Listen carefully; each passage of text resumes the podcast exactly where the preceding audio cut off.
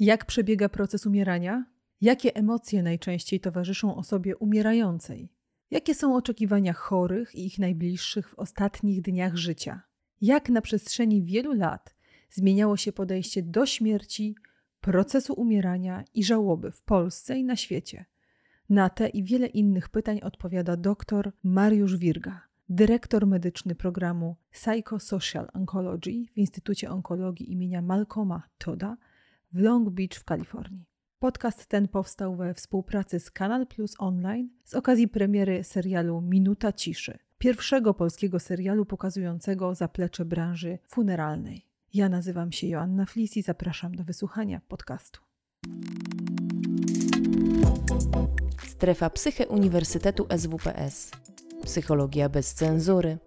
Więcej merytorycznej wiedzy psychologicznej znajdziesz na psycheswps.pl oraz w kanałach naszego projektu na YouTube i Spotify. Zapraszamy. Dzień dobry, bardzo mi miło gościć Ciebie w podcaście Strefy Psyche Uniwersytetu SWPS. Dziękuję e, bardzo za zaproszenie. Dzień dobry, witam Ciebie serdecznie i też wszystkich słuchaczy. No i ja też witam wszystkich słuchaczy, szczególnie, że dzisiaj temat myślę sobie jest wymagający, więc gratuluję też odwagi wszystkim, którzy włączyli dzisiejszy odcinek, bo dziś będziemy rozmawiać o umieraniu. Dziękuję bardzo. Właśnie to jest jeden z moich ulubionych tematów. Tak się składa. E, dlaczego jest to jeden z moich ulubionych tematów? Ponieważ od mojego mentora, e, doktora Karla Simontona, e, onkologa, radioterapeuty, który potem stał się psychoterapeutą, nauczyłem się, że to, co pomaga nam żyć, pomaga nam umierać. I to, co pomaga nam umierać, pomaga nam żyć. I potem odkryłem stwierdzenie Epikteta. On powiedział, że sztuka umierania i sztuka życia to jest jedno i to samo. E, także e, jest to stara nauka i na pewno to, że te umiejętności nam się przydają. No poczekaj, jakie to są umiejętności, bo od razu mi przychodzę. Wiesz, szukam w głowie i zastanawiam się, co z życia pomoże mi umrzeć, a co ze śmierci może się przyczynić do mojego lepszego życia. To co, cofnijmy się. Jeżeli bym chciał umrzeć jakąś tam śmiercią, to ważne, żebym tak żył. Czyli jeżeli ja chcę umrzeć ze spokojem umysłu, ważne, żebym kultywował w swoim życiu spokój umysłu. Jeżeli chcę umrzeć otoczony ludźmi, którzy mnie kochają, ważne jest, żebym żył otoczony ludźmi, którzy mnie kochają. Jeżeli chcę e, umrzeć wolno od cierpienia, dobrze by było, żebym uczył się żyć bez cierpienia. Oczywiście może na to spojrzeć bardziej filozoficznie czy duchowo, mistycznie nawet, ale też to są sprawy praktyczne. Jeżeli ja kultywuję spokój umysłu w trudnych chwilach swojego życia, to jest umiejętność, której się można nauczyć dzięki terapii poznawczo-behawioralnej, to możemy zachować ten spokój umysłu też w chwili naszej śmierci. E, to jest to, ale równocześnie my uczymy naszych pacjentów nieprzywiązywania się do wyniku, czyli że jesteśmy gotowi umrzeć nawet wtedy, kiedy nie jesteśmy na to zupełnie przygotowani, czyli nie przywiązujemy się do pewnego obrazu, jak moje życie będzie wyglądało, tylko otwieramy się na nasze życie takie, jakie się dzieje, ponieważ jak chcemy rozśmieszyć Pana Boga, to powiedzmy mu o naszych planach. Czyli ja planuję w jakikolwiek sposób umrzeć, to może być to różnie. I tutaj jest istotna taka kwestia. Sposób mojego życia będzie w dużej mierze determinował sposób mojego umierania, ale nie oczywiście kontrolował tego. Mhm, ale to daje trochę taką nadzieję, bo, bo wiesz, jak większość ludzi, y, ja boję się śmierci. Kiedy mówisz o tym, że mam chociaż odrobinę wpływu na to, jaka ta śmierć może mnie spotkać, albo jak będę umierać, jak, jak będę doświadczać procesu umierania, bo to jest proces, no to daje jakąś nadzieję. Pozwala jakoś oswoić ten lęk przed śmiercią, bo śmierć nam się okaże z czymś nieprzewidywalnym, no ostatecznym i bolesnym. O, i to jest, y, to są częste takie zababony na temat śmierci. Znaczy, zdecydowanie, strach przed śmiercią jest zdrowym strachem, prawda? Bo dzięki temu żyjemy, bo jesteśmy tutaj na tej planecie po to, żeby żyć. Ale śmierć jest częścią życia. Także jak otwieramy się na życie, tak otwieramy się na śmierć. W 1450 roku William Caxton opublikował pierwszą e, księgę po angielsku, wydrukował ją. I to nie była Biblia, jakby wszyscy się spodziewali, ale to była książka o tytule e, The Book of the Craft of Dying, czyli księga umiejętności czy rzemiosła umierania. I ona była bestsellerem przez kilkaset lat. I się bardzo dobrze sprzedawała. Dlaczego? Bo w tamtych czasach śmierć była widoczna. Ludzie umierali, dzieci umierały rodzicom, rodzice umierały dzieciom. To, co teraz jest schowane w szpitalach i tak dalej, działo się w naszych domach. I dlatego ta, była konieczność tego, żebyśmy wiedzieli, co w tej sytuacji robić. I ta książka jest świetna, bo jest ilustrowana różnymi komiksami, także jest, bardzo to lubię, jak w książce jest dużo rysunków. I, i właśnie różne etapy, co osoba umierająca ma robić, ale też są instrukcje dla osób wokół tej osoby, jak mają być, jak się mają zachowywać. Oczywiście Caxton był wielkim oszustem, Zresztą wydał bardzo dużo śmiesznych rzeczy. Część z nich nas wymyślał sam, jak e, o niektórych filozofach z głowy pisał e, i cytaty jego sam w sobie wstawiał, jak w dzisiejszym internecie. Ale ta książka okazała się być plagiatem. Plagiatem książki, która na kontynentalnej Europie od dawna krążyła pod tytułem Ars Morendi, czyli Sztuka umierania. Także te księgi były bardzo popularne w tamtych czasach, były nam potrzebne. A z czasem, jak y, y, urbanizacja się zwiększyła, powstały szpitale, rozdrobienie też społeczne, ludzie zaczęli umierać z dala od domów, z dala od bliskich, e, otoczeni profesjonalistami. Poza tym te śmierci zostały przesunięte w czasie, bo więcej tych śmierci się odbywa jednak e, u starszych osób. Już nie mamy tyle osób umierających na choroby zakaźne, które dziesiątkowały dzieci i młodych ludzi. E, także, także to się też zmieniło. Także wiele się zmieniło. I ponieważ w dużej mierze o, sanitacja, czyli kanalizacja e, e, miast też zmniejszyła ilość śmierci z powodu chorób zakaźnych, a do tego rozwój medycyny i antybiotyków. I dlatego ludzie, którzy kiedyś umierali, przestali umierać. Czyli w pewnym momencie ta śmierć stała się jak gdyby naszym wrogiem, bo bo zaczęliśmy, potrafiliśmy ją odsuwać. Tak? I śmierć zaczynała być odczuwana jako porażka, ale kiedyś tak nie było. To jest relatywnie nowe. Pamiętaj. No właśnie, kiedyś czytałam taką książkę, jak próbowałam oswoić swój własny lęk przed śmiercią, ale też pomyśleć o tym, jak mogę z pacjentami pracować nad lękiem przed śmiercią. Czytałam książkę Irwina Jaloma, Patrząc w słońce, w której on zbiera swój życiowy dorobek w pracy nad śmiercią.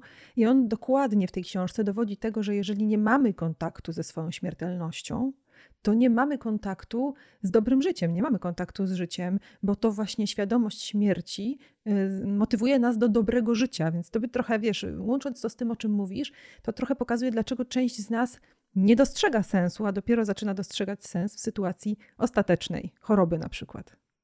Tak jest. Y, to jest, dlatego się mówiło o memento mori e, ponad 2000 lat temu. Pamiętaj o śmierci. To jest, to jest istotne, żebyśmy że śmierć i nasza śmiertelność dodaje pewnej ostrości naszej wizji, naszego życia. Tak, tak jak światło potrzebuje cienia, prawda? Jak widzimy coś oświetlone, jest w pełni, jeżeli patrzymy równo ze światłem, to wszystko wydaje się płaskie. Natomiast jak słońce wschodzi czy zachodzi, te cienie są dłuższe i można widzieć e, kontrasty i fakturę e, krajobrazu przed nami. Podobnie dzięki śmierci możemy bardziej kontrastowo i wyraźnie widzieć życie.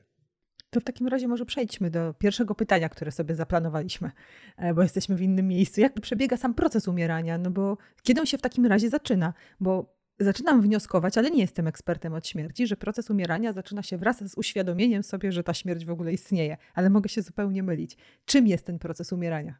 E, widzisz, a ja chciałem Ci powiedzieć, że proces umierania zaczyna się od chwili poczęcia. bo, bo umieranie jest częścią życia. Ale w sumie to ty mówisz, masz rację. Mniej więcej w wieku 6 do 8 lat, 6 lat e, dzieci zaczynają być świadome umierania, a swojej śmiertelności mniej więcej około 10 lat. Tak, tak mi się wydaje, o ile pamiętam dobrze. Masz rację, że to mogą być wczesne sposoby, nasze, nasze, nasze umieranie się zaczyna. Ale też nasze umieranie się zaczyna, jak obserwujemy, jak nasi rodzice radzą sobie ze śmierciami ich otaczających. Tak? Jeżeli mamy zwierzęta domowe, co się dzieje, gdy nam zwierzę domowe umrze? Tak? Co rodzina wtedy robi?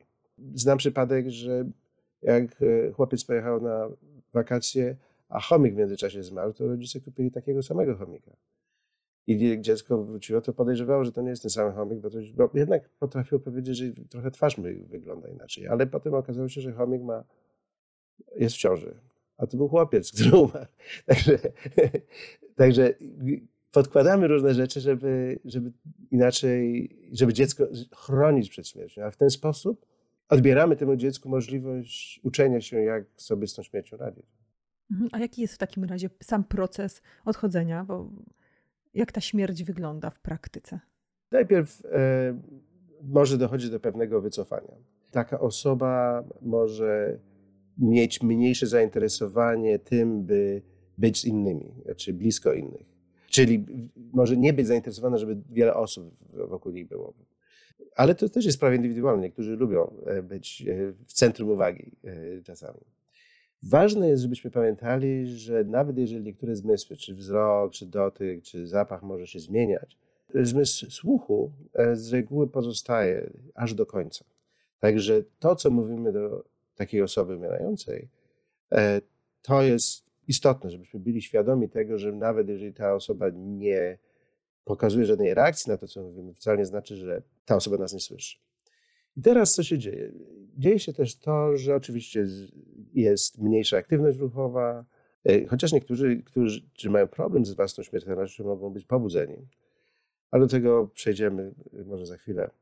Ale jedna rzecz jest nasz spadek potrzeb fizjologicznych. To znaczy, że zanika potrzeba jedzenia i picia. I to jest bardzo istotne, że to jest naturalny proces. Nasze ciało umie umierać. Ludzie umierali od blisko 300 tysięcy lat i dotychczas wszystkim się udało. Także e, nasze ciało wie, jak umierać. I po prostu zaufać ciału. Ale to trudno ufać ciału, jak wiesz. Myślę sobie, że wszędzie chcemy ze śmiercią walczyć. E, I myślę sobie o tych wszystkich e, rodzinach, które dożywiają swoich bliskich jakimiś e, suplementami, różnymi takimi tymi jogurcikami, odżywkami, na siłę karmią. Bo też kiedy możesz zdecydować o tym, towarzysząc takiej osobie, że okej, okay, to ciało wie jak umierać, to nie ratuje.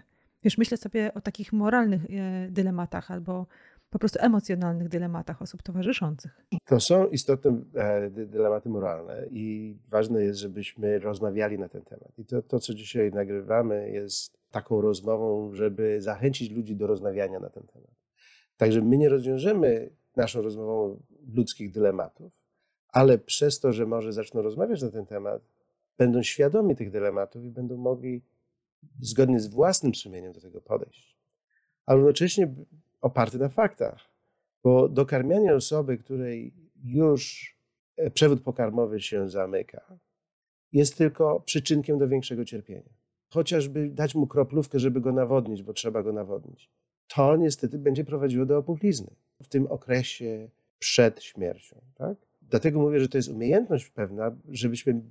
Umiejętności są oparte na pewnej wiedzy, a umiejętność to jest stosowanie tej wiedzy w praktyce. I teraz, jeżeli ja wiem, i zaufam, aha, czyli ludzie w ten sposób umierają, ważne jest, żebym na siłę nie dokarmiał tej osoby, na siłę nie dowadniał, bo wtedy może dojść do zachłycnięcia i niepotrzebnych e, dodatkowych komplikacji i pogorszenia jakości umierania. Bo umieranie może być dobre.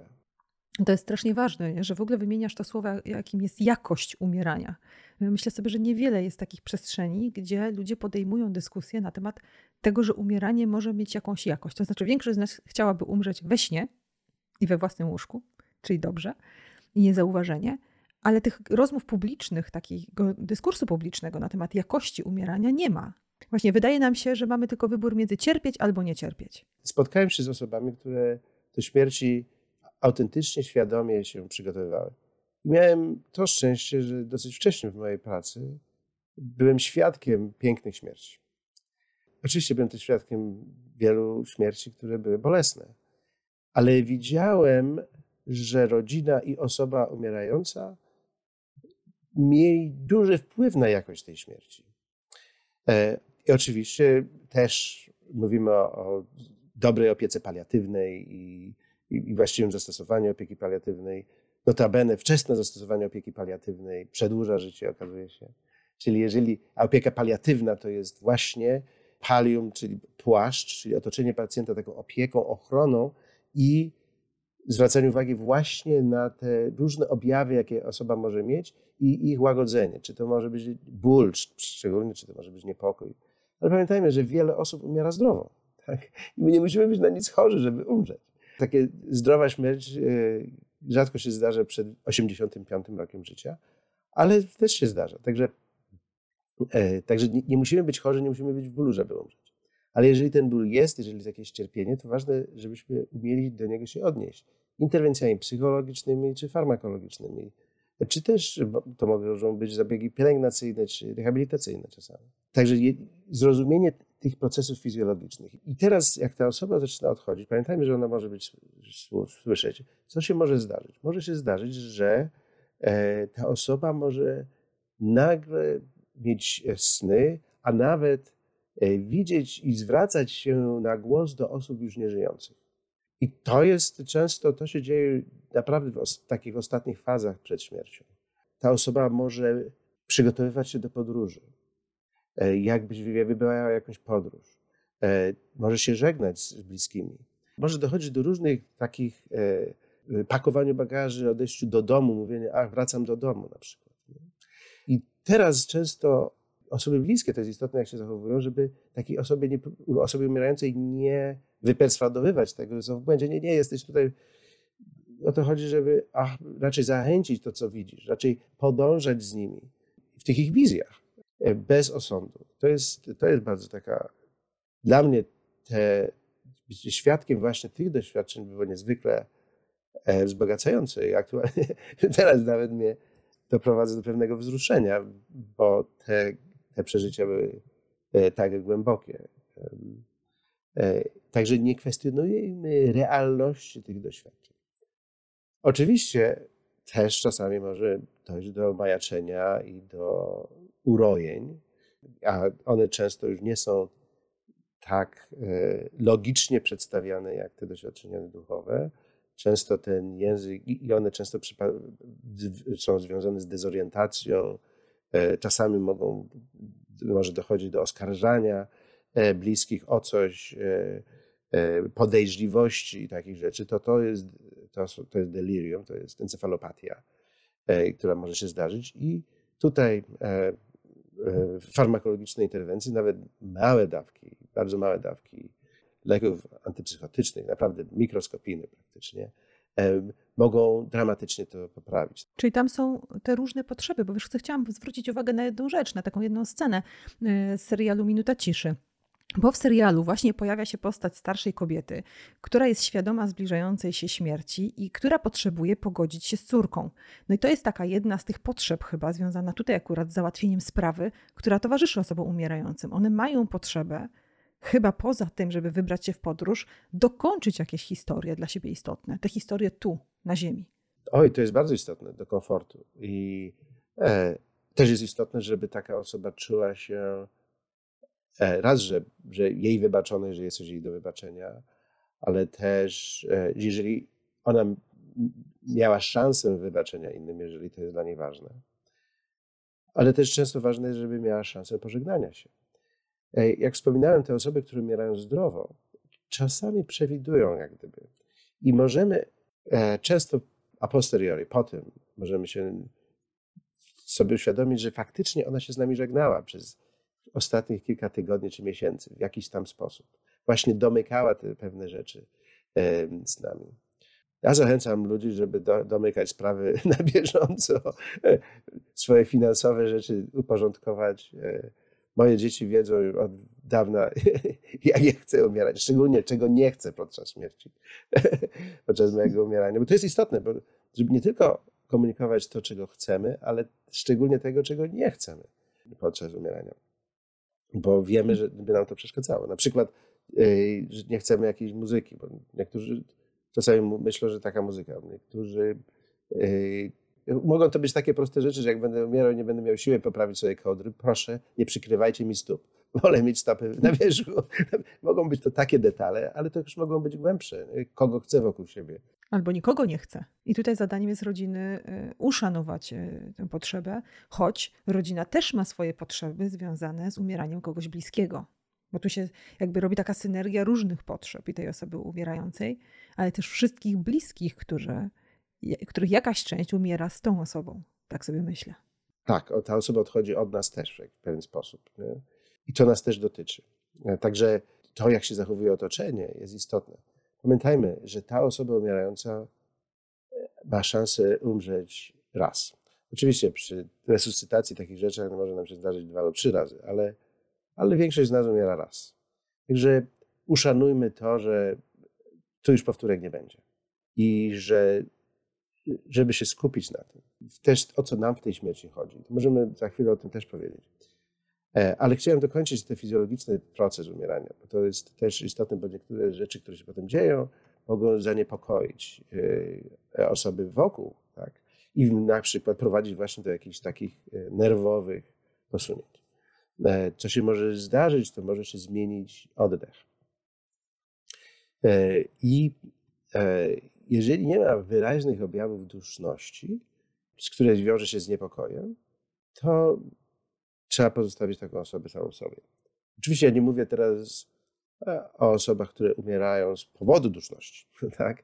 To jest to wtedy naprawdę takim cudownym lekiem jest morfina, która to subiektywne odczucie duszności odbiera. Dlatego tak istotna jest opieka paliatywna, żeby ta osoba nie, nie odczuwała tego strachu związanego z dusznością.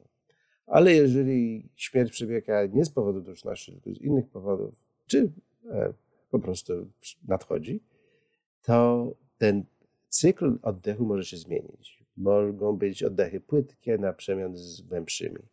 Może dochodzić do rzężenia, czy nawet takiego odgłosu jak bulgotanie e, podczas oddechu, ponieważ w płucach się może odkładać płyn. To może powodować niepokój u bliskich, ale nie jest to konieczne. Jeżeli to jest istotne, to lekarze opieki paliatywnej mogą dać atropinę, która zmniejsza ilość tych wydzielin, gdyby to była jakaś istotna rzecz. A oddech może się spowolnić do tego stopnia, że nawet e, zatrzymać na minutę, i potem ponownie powróci.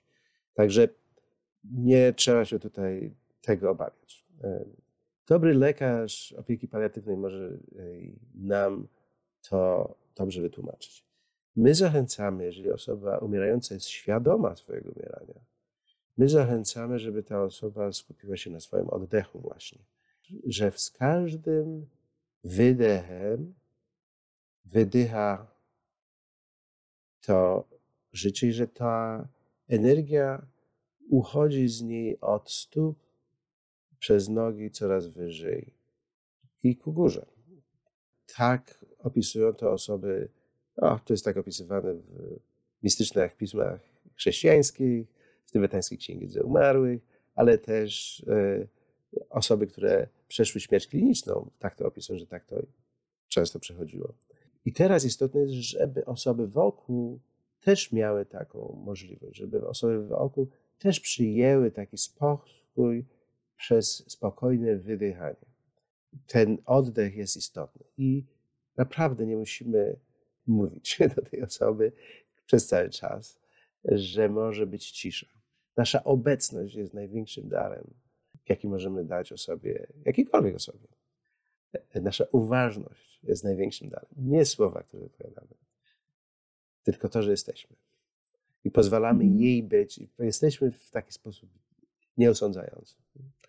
No toż pytanie, co zrobić z emocjami, bo one się mogą pojawić tak sobie wyobrażam, nie towarzyszyłam nigdy nikomu umierającemu, ale tak sobie wyobrażam, że jak ty mówisz zachowaj spokój, to ja sobie myślę oksymoron.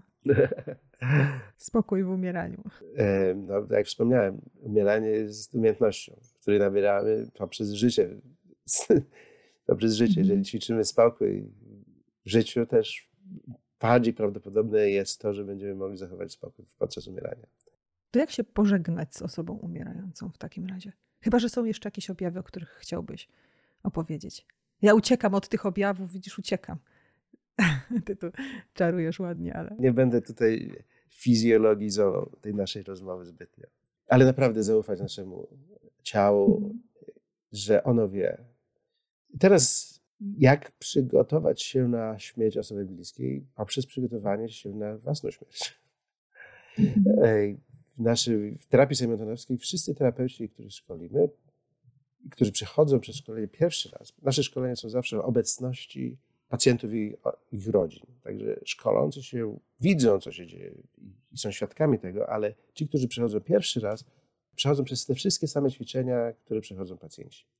I też mamy całą sesję na temat śmierci i umierania, o której mówimy, o grupach prze, przekonań, które istnieją wokół śmierci i umierania, jak do nich się odnieść, a równocześnie też robimy ćwiczenie umierania w naszej wyobraźni, gdzie wyobrażamy sobie naszą własną śmierć. Oj, strasznie Ci jakoś dziękuję za to, z jakim Ty spokojem to mówisz i w jaki sposób opowiadasz. Przepraszam, że tak się wcięłam, ale jestem po prostu pod wrażeniem, bo śmierć zawsze wydawała mi się czymś gwałtownym, czymś niezgodnym z życiem, tak jakby się wdzierała pomiędzy e, nas żywych i po prostu zsiała pustoszenie, a nie ma tu na nią miejsca. I odczarowujesz mi w tej chwili e, te wyobrażenia. Tak jest i właśnie to odczarowanie, to, to, też te, to ćwiczenie, czy ta medytacja, czy jak tokolwiek nazwiemy, e, pozwala ludziom też skonfrontować się z własnymi przekonaniami i, i wtedy mamy też czas na to, żeby żeby tym osobom przeżywającym własną śmierć też pomóc, przepracować to, co podczas tego ćwiczenia wychodzi. Ale najczęściej większość osób, które przechodzi przez to ćwiczenie, się jego boi na początku. Gdy, gdy omawiamy na początku zajęć, y, że co w planie jest i że na tamtej sesji e, będzie śmierć umierania, ludzie mówią, ach, na to nie przychodzę. A jedna pacjentka mówi, nie, nie umieraj, zanim nie umrzesz. Bo czasami się tak, tak się boimy śmierci, że nie możemy żyć. A potem się okazuje, że to ćwiczenie było jednym z najbardziej budujących. Często tak jest, zresztą też wiesz doskonale w terapii, że jeżeli pacjent przejdzie przez jakiś trudny proces e, i przejdzie go na drugą stronę, to jest pewien taki rodzaj haju, takiego, właśnie takiego oczyszczenia może dać właśnie ta, to ćwiczenie. Ja ci zdradzę tajemnicę, że ja raz umarłam. Umarłam na oddychaniu holotropowym. I najbardziej na świecie bałam się śmierci i wiedziałam, że niektórzy w trakcie oddychania holotropowego przechodzą własną śmierć, mają takie poczucie wyjścia poza ciało. I myślałam sobie, wszystko tylko nie to na tym oddychaniu holotropowym. I oczywiście w pierwszej sesji oddychania holotropowego doświadczyłam właśnie tego. I, I to był chyba pierwszy moment w moim życiu, e, w którym poczułam, że śmierć jest e, czymś, może być czymś przyjemnym. Tak jest. Tak jest. E, dla, dla tych z Państwa, którzy chcieliby więcej e, się dowiedzieć na temat całego procesu, jak się przygotowywać, w mojej książeczce Zwyciężyć chorobę. E, możecie Państwo znaleźć tam jest rozdział na ten temat. I to ćwiczenie w ówczesnej formie, bo to nie jest obecna forma, jest tam też opisane, także możecie Państwo sobie to, że tak powiem, zaaplikować. Jedna rzecz istotna. Pamiętam, że jak pierwszy raz omawiałem to, by, to były lata, koniec lat 80. Kiedyś na jakimś spotkaniu psychologu i psychoterapeuty. Pamiętaj, że ja wtedy byłem e, skromnym rezydentem z patologii. Ja zacząłem pracować z chorymi e, psychoterapeutycznymi jako rezydent z patologii. Także wśród tych psychologów bardzo czułem się no, nie na miejscu, że jestem niewykwalifikowany i tak dalej. No ale zapytano mnie, jak właśnie pracuję z tymi chorymi i właśnie powiedziałem o tej śmierci, o tej sesji umierania i zarzucono mi, że to się może stać samospełniającym proroctwem. A ja mówię, przepraszam was bardzo, ale muszę was rozczarować, bo wy wszyscy tutaj umrzecie. czy to ćwiczenie wykonacie, czy nie. Ale to jest dobra, wiesz, jakby dobra anegdota też o tym, że nawet ludzie wykwalifikowani psycholodzy boją się, że te mechanizmy obronne pracują. Byle tego nie dotknąć, bo może się zarażę nie? tą śmiertelnością. Tak, tak. E, ale to jest naturalne. Także ważne jest, że, że jeżeli my jesteśmy, prowadząc do tego oryginalnego pytania, jak się przygotowywać na, na świeżych osoby bliskie, to jest przygotowywanie własnej śmierci. I tak samo jako, jest, jako terapeuci, dobrze by było, żebyśmy przećwiczyli własną śmierć. Zapraszam na nasze sesje. I to wtedy powoduje, że nie będziemy przynosili aż takiego bagażu. Zawsze jakiś tam bagaż przyniesiemy ze sobą. I teraz, istotne, co, jeżeli wiemy, że, jest, że będziemy z osobą umierającą, przede wszystkim brak pośpiechu. Naprawdę zapewnić sobie to, że mamy czas. I teraz zastanowić się, o co mi w tym procesie chodzi. Zanim ja przyjdę do tej osoby, czego ja chcę od tego doświadczenia. Tak? I czy chcę się pożegnać, czy chcę wybaczenia, czy chcę, e, czy może chcę się upewnić, że jestem w testamencie uwzględniony, e, czy chcę wyrazić to, jak bardzo kocham tę osobę, czy zademonstrować innym, jak bardzo kocham tę osobę. I teraz ważne jest, żebym podszedł do tego sam, bez osądu. Tutaj naprawdę uświadomić sobie wszystkie te rzeczy Czy jeżeli jestem dzieckiem, żeby się okazało, że podczas tego momentu udowodnię mamusi, że byłem zawsze najlepszym synkiem. Tak? E, naprawdę przyznać się do tego, jeżeli to jest. No tylko wtedy możemy to okiełznać, że sobie uświadomimy. I wszystkie emocje są wyrazem jakiejś naszych wartości.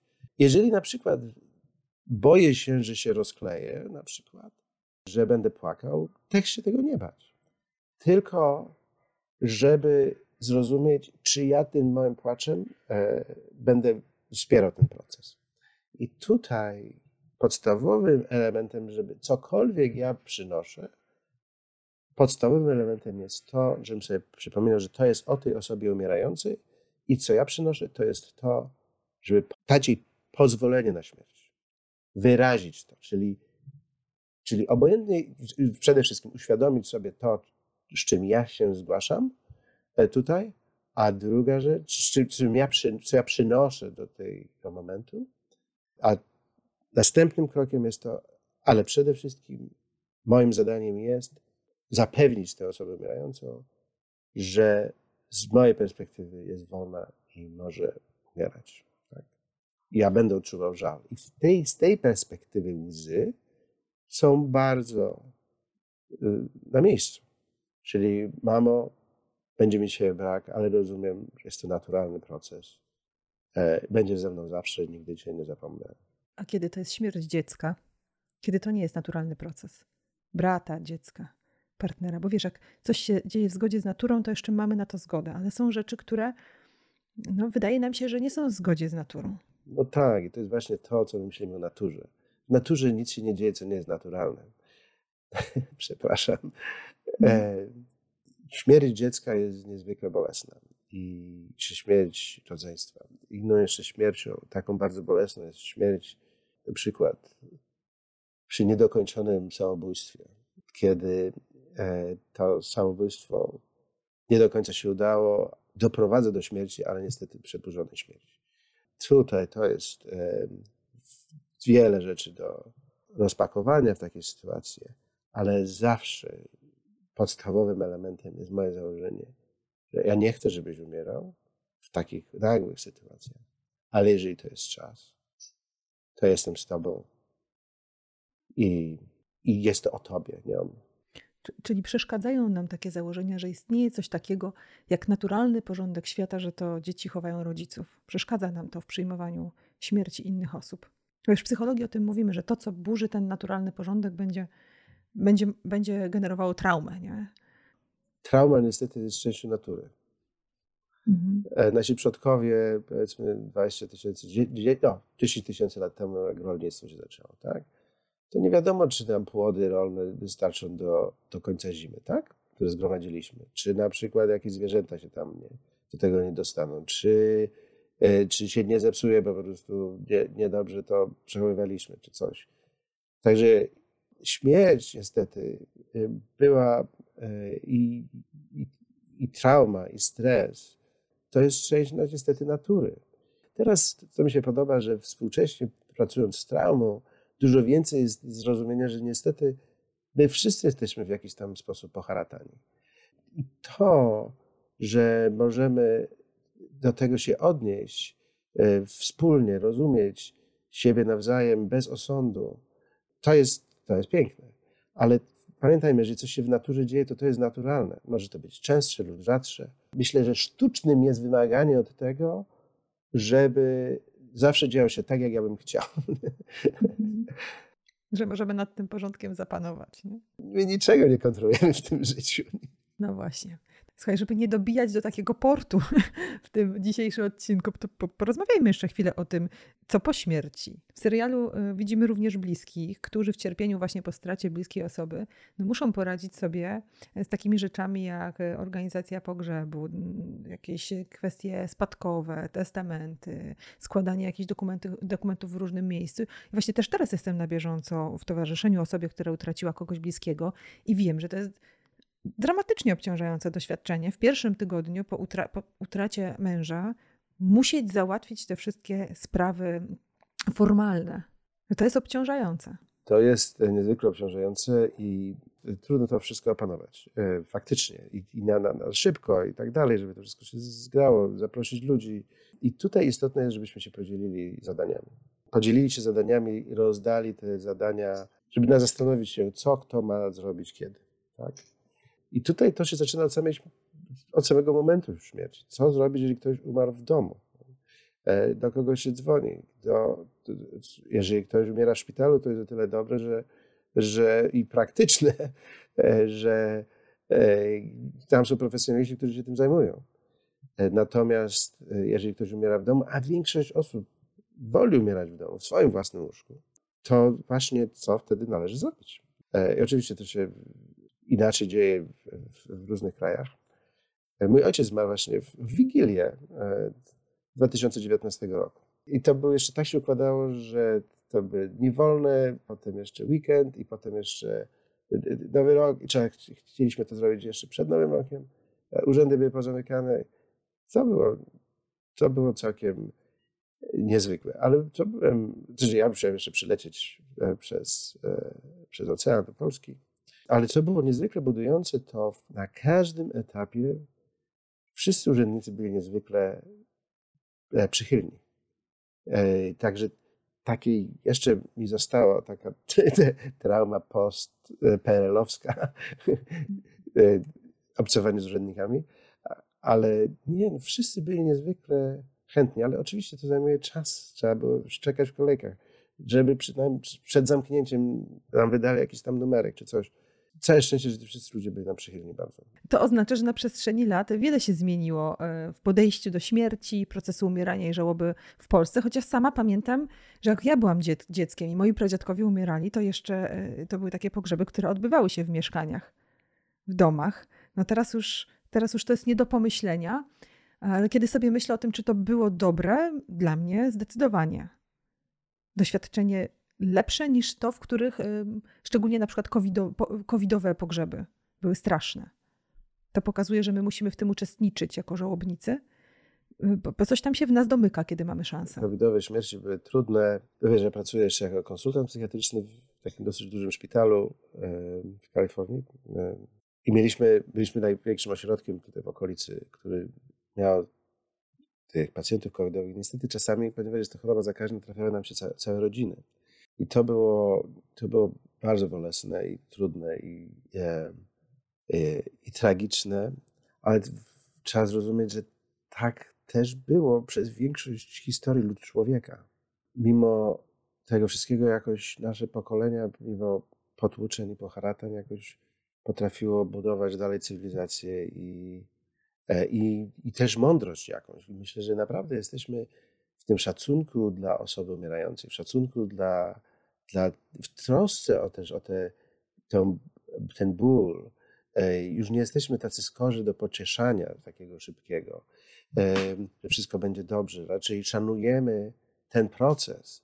E, I to, to jest niezwykłe. Ja myślę, że to jest, to jest coś, co kiedyś, naś, to jest też mądrość taka naszych przodków, którzy byli bardziej bezsilni wobec śmierci i dlatego bardziej nauczyli się z potrzeby akceptacji. I myślę, że, że taka radykalna akceptacja, radykalna akceptacja bezwarunkowa naszego życia i naszego umierania jest tutaj niezwykle istotna, oczywiście trudna. I to, że, nie, że będziemy popełniali błędy w tym procesie, że powiemy nie zawsze takie słowa, jakie byśmy chcieli, że wybuchniemy złością, czy coś, to są wszystko normalne nasze reakcje emocjonalne. Pamiętajmy tylko o to, o co nam chodzi, jak, co jest naszą intencją. I właśnie po śmierci naszą intencją jest uszanowanie tej osoby, która zmarła. To jest przede wszystkim pamiętać, co jest tutaj najważniejsze. Oczywiście my będziemy mieli tam jeszcze inne różne intencje, e, z których możemy być mniej lub bardziej dumni, ale ważne jest, żebyśmy bez osądu sami się do nich przyznali. Wtedy będziemy dużo lepiej rozumieli samych siebie i mogli realizować tą najwyższą intencję e, towarzyszenia umieraniu, umierają, procesowi umierania, potem procesowi żałoby i żegnania tej osoby. Jest jeszcze jedna rzecz, której nie powiedziałem, a myślę, że to jest istotne, że, że często właśnie w imię miłości my robimy wiele takich no, brzydkich rzeczy. I jedną z takich rzeczy, które niestety się zdarza, jak powiedziałem wcześniej, że e, płacz i smutek jest na miejscu, i, ale jeżeli ten przekaz jest przez cały czas, że pamiętaj, my, wszystko z nami będzie w porządku, z tymi sami, my, którzy pozostajemy i z tobą też wszystko będzie w porządku.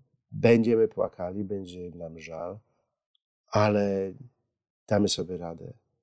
I żeby ten przekaz pozwolenia na tę śmierć był. Ale nie z miłości, och, kochana mamusiu, tak ciebie kochamy, nie odchodź, nie odchodź, co my bez ciebie zrobimy, biedacy. To niestety nie pomaga. No ale nam się może wydawać, że, że wiesz, miarą miłości jest ta miara właśnie cierpienia i niezgody. Jakbyśmy tak, wiesz, jak jesteś specjalistą, to wiesz, że tak nie jest. Ale kiedy popatrzymy na te takie kulturowe, jakieś takie artefakty dotyczące tego, jak należy tą żałobę przeżyć, oglądamy filmy, seriale i oglądamy e, różne takie dramatyczne sceny, to nam się wydaje, że skoro ja nie rwę szat i skoro ja nie padam na kolana i nie błagam osoby umierającej o to, aby została, to nie kocham wystarczająco. Popatrz, jak często ludzie mówią, że no, na tym pogrzebie to ona nie wyglądała na taką, która cierpi.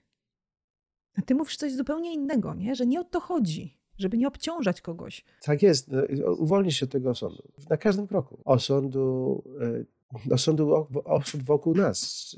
Poczucie humoru jest też dobre.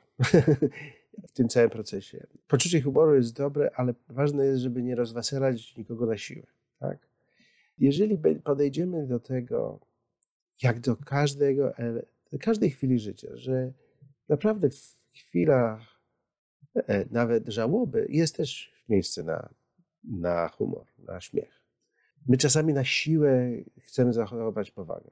Akurat przypomina mi się, jak byłem obecny przy śmierci Karla Simontona. Akurat tak się złożyło, że byłem obecny przy jego śmierci. Mm. I jego najmłodsze dzieci e, tam przyjechały, już byli, były osobami dorosłymi.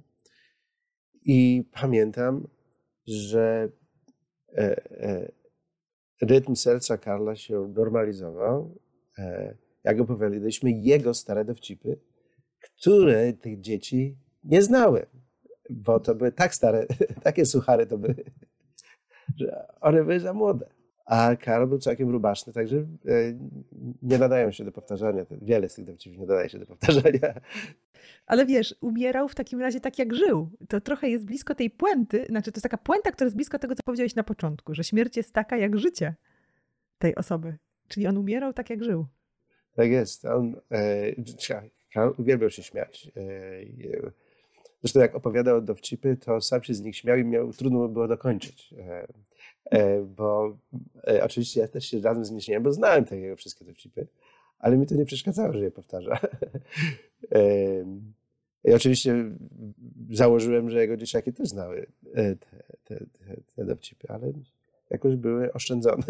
także, także z jednej strony ważne, żebyśmy się byli świadomi, po co tam jesteśmy, ale z drugiej strony nie cenzurowali się aż tak zbytnio.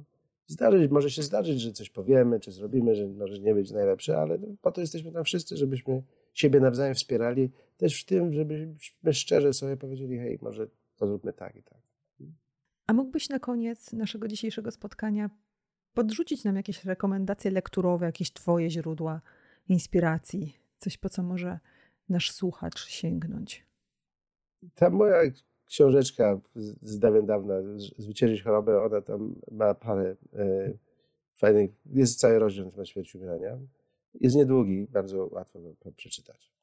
E, ale jeżeli ktoś chce się głębiej za, zanurzyć w ten temat, to właśnie taką, e, napisaliśmy taki dziewięciostronicowy, taką broszurę, pod tytułem Do końca i ona, udostępnimy ją na stronach simonton.pl ukośnik do końca. Jedno słowo. Tam co udostępnimy. Tybetańska księga e, Życie i umierania Sodziala Rinpoche, ale nie całe, nie czytajcie całej. Pierwsze 100 stron. Potem to jest taka głęboka filozofia e, buddyjska, która może nie zawsze jest, jest potrzebna. Raymond Moody, którego spotkałem też osobiście, to jest człowiek, który pierwszy robił szerokie badania na temat osób, które przeżyły śmierć kliniczną. I on, jego pierwsza książka, też w Polsce się udała dawno temu, e, Życie po życiu, ale też były inne permutacje e, tej książki. I on zrobił też dużo badań, także ci z Państwa, którzy są zainteresowani, jest e, cała literatura na ten temat dostępna naukowa. I skupiające się właśnie na jakości umierania, bo my ten jakość, na tę jakość mamy wpływ poprzez umiejętności. Nie polecam książki Kibler-Ross, mimo że e, ponieważ te, te stadia radzenia sobie ze śmiercią, nadchodzącą śmiercią, czy po śmierci, czy żałobą, one przebiegają e, tak nieliniowo. One, możemy w tego samego dnia być we wszystkich stadiach. A na pewno na koniec możemy wspólnie zachęcić naszych słuchaczy do obejrzenia serialu Minuta Ciszy, który dostępny jest w serwisie streamingowym, właśnie Kanal Plus Online. Mhm. O, wiesz co? E, mój przyjaciel świętej pamięci Jan Kaczkowski przecież. W jego książkach on za życia był przykładem, jak sobie radził z, ze śmiercią. I właśnie wiedząc, że umiera, żył na pełnej petardzie wspaniały człowiek, e, wspaniały mówca e, i zachęcam tej lektury jego książek też. E, nie, niezwykle też polecam. Także dziękuję, że mi przypomniałeś. No oczywiście, serial. Tak. Dziękuję Ci w takim razie za bardzo inspirującą rozmowę. No i Państwa już teraz zapraszam na kolejne podcasty Strefy Psyche Uniwersytetu SWPS. Zachęcam Państwa do subskrypcji naszych kanałów na YouTubie, na Spotify, aby być na bieżąco z publikowanymi materiałami. Do usłyszenia. Dziękuję bardzo i też do usłyszenia.